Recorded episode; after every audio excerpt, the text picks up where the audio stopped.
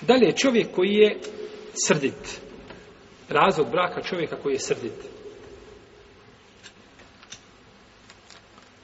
I ovo se često dešava. Da ljudi u sržbi daju razvod supruzi, a znači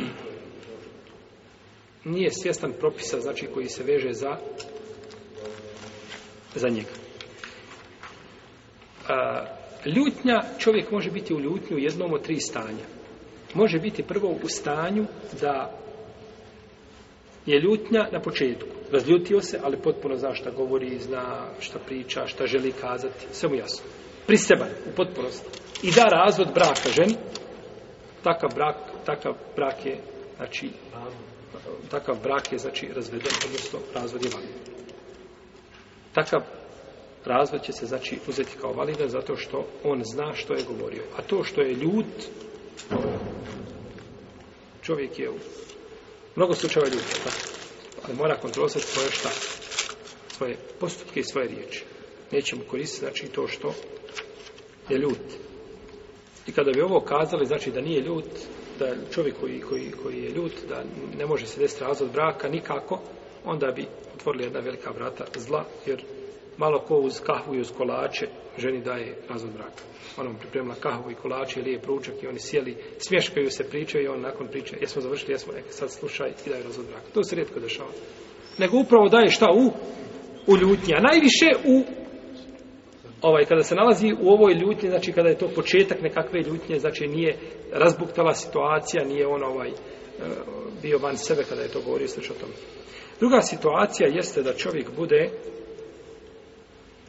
do te granice ljut, da ne zna šta govori. Priča, priča, priča i kada mu neko kaže šta je govorio nakon toga, on ne može vjerovati. Ljude ulažu, vjeruje, neko nemoguće da tako nešto kaže. Žena mu kaže ti mene razvio. dolazi u obzir, ja tako nešto nisam ni u su da kažem. Znači, bio van sebe, ne sjeća se ničega. Kao lud čovjek. I to se rijetko dešava da čovjek dođe u tu situaciju, ali može neko ko ovaj, ko se lahko naljuti i može jel, preći granicu tome, može doći u takvu situaciju. Ako se to desi, onda je ispravno da se nije desio razvod braka. Da se nije desio razvod braka, jer nije čovjek, znači tu, da bismo kazali da čovjek treba da daje razvod braka, treba da ima razum, da mu je pamet, znači potpuno nepriseban, a on to nije bio u ovom slučaju.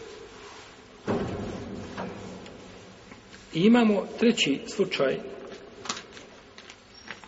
kada čovjek piva negdje na granici. Odnosno, deređa između ove dvije deređe. On je ljud, crdit, zajapurio se, crven, ali zna šta govori. Nije van sebe.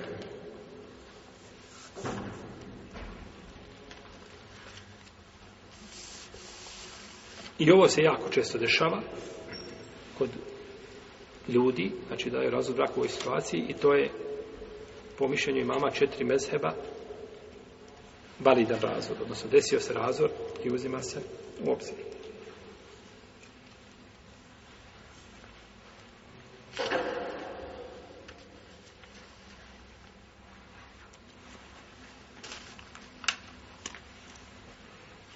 Dok i šeho sam temi Temije, njegov učenik Ibn kažu da, da se ne tretira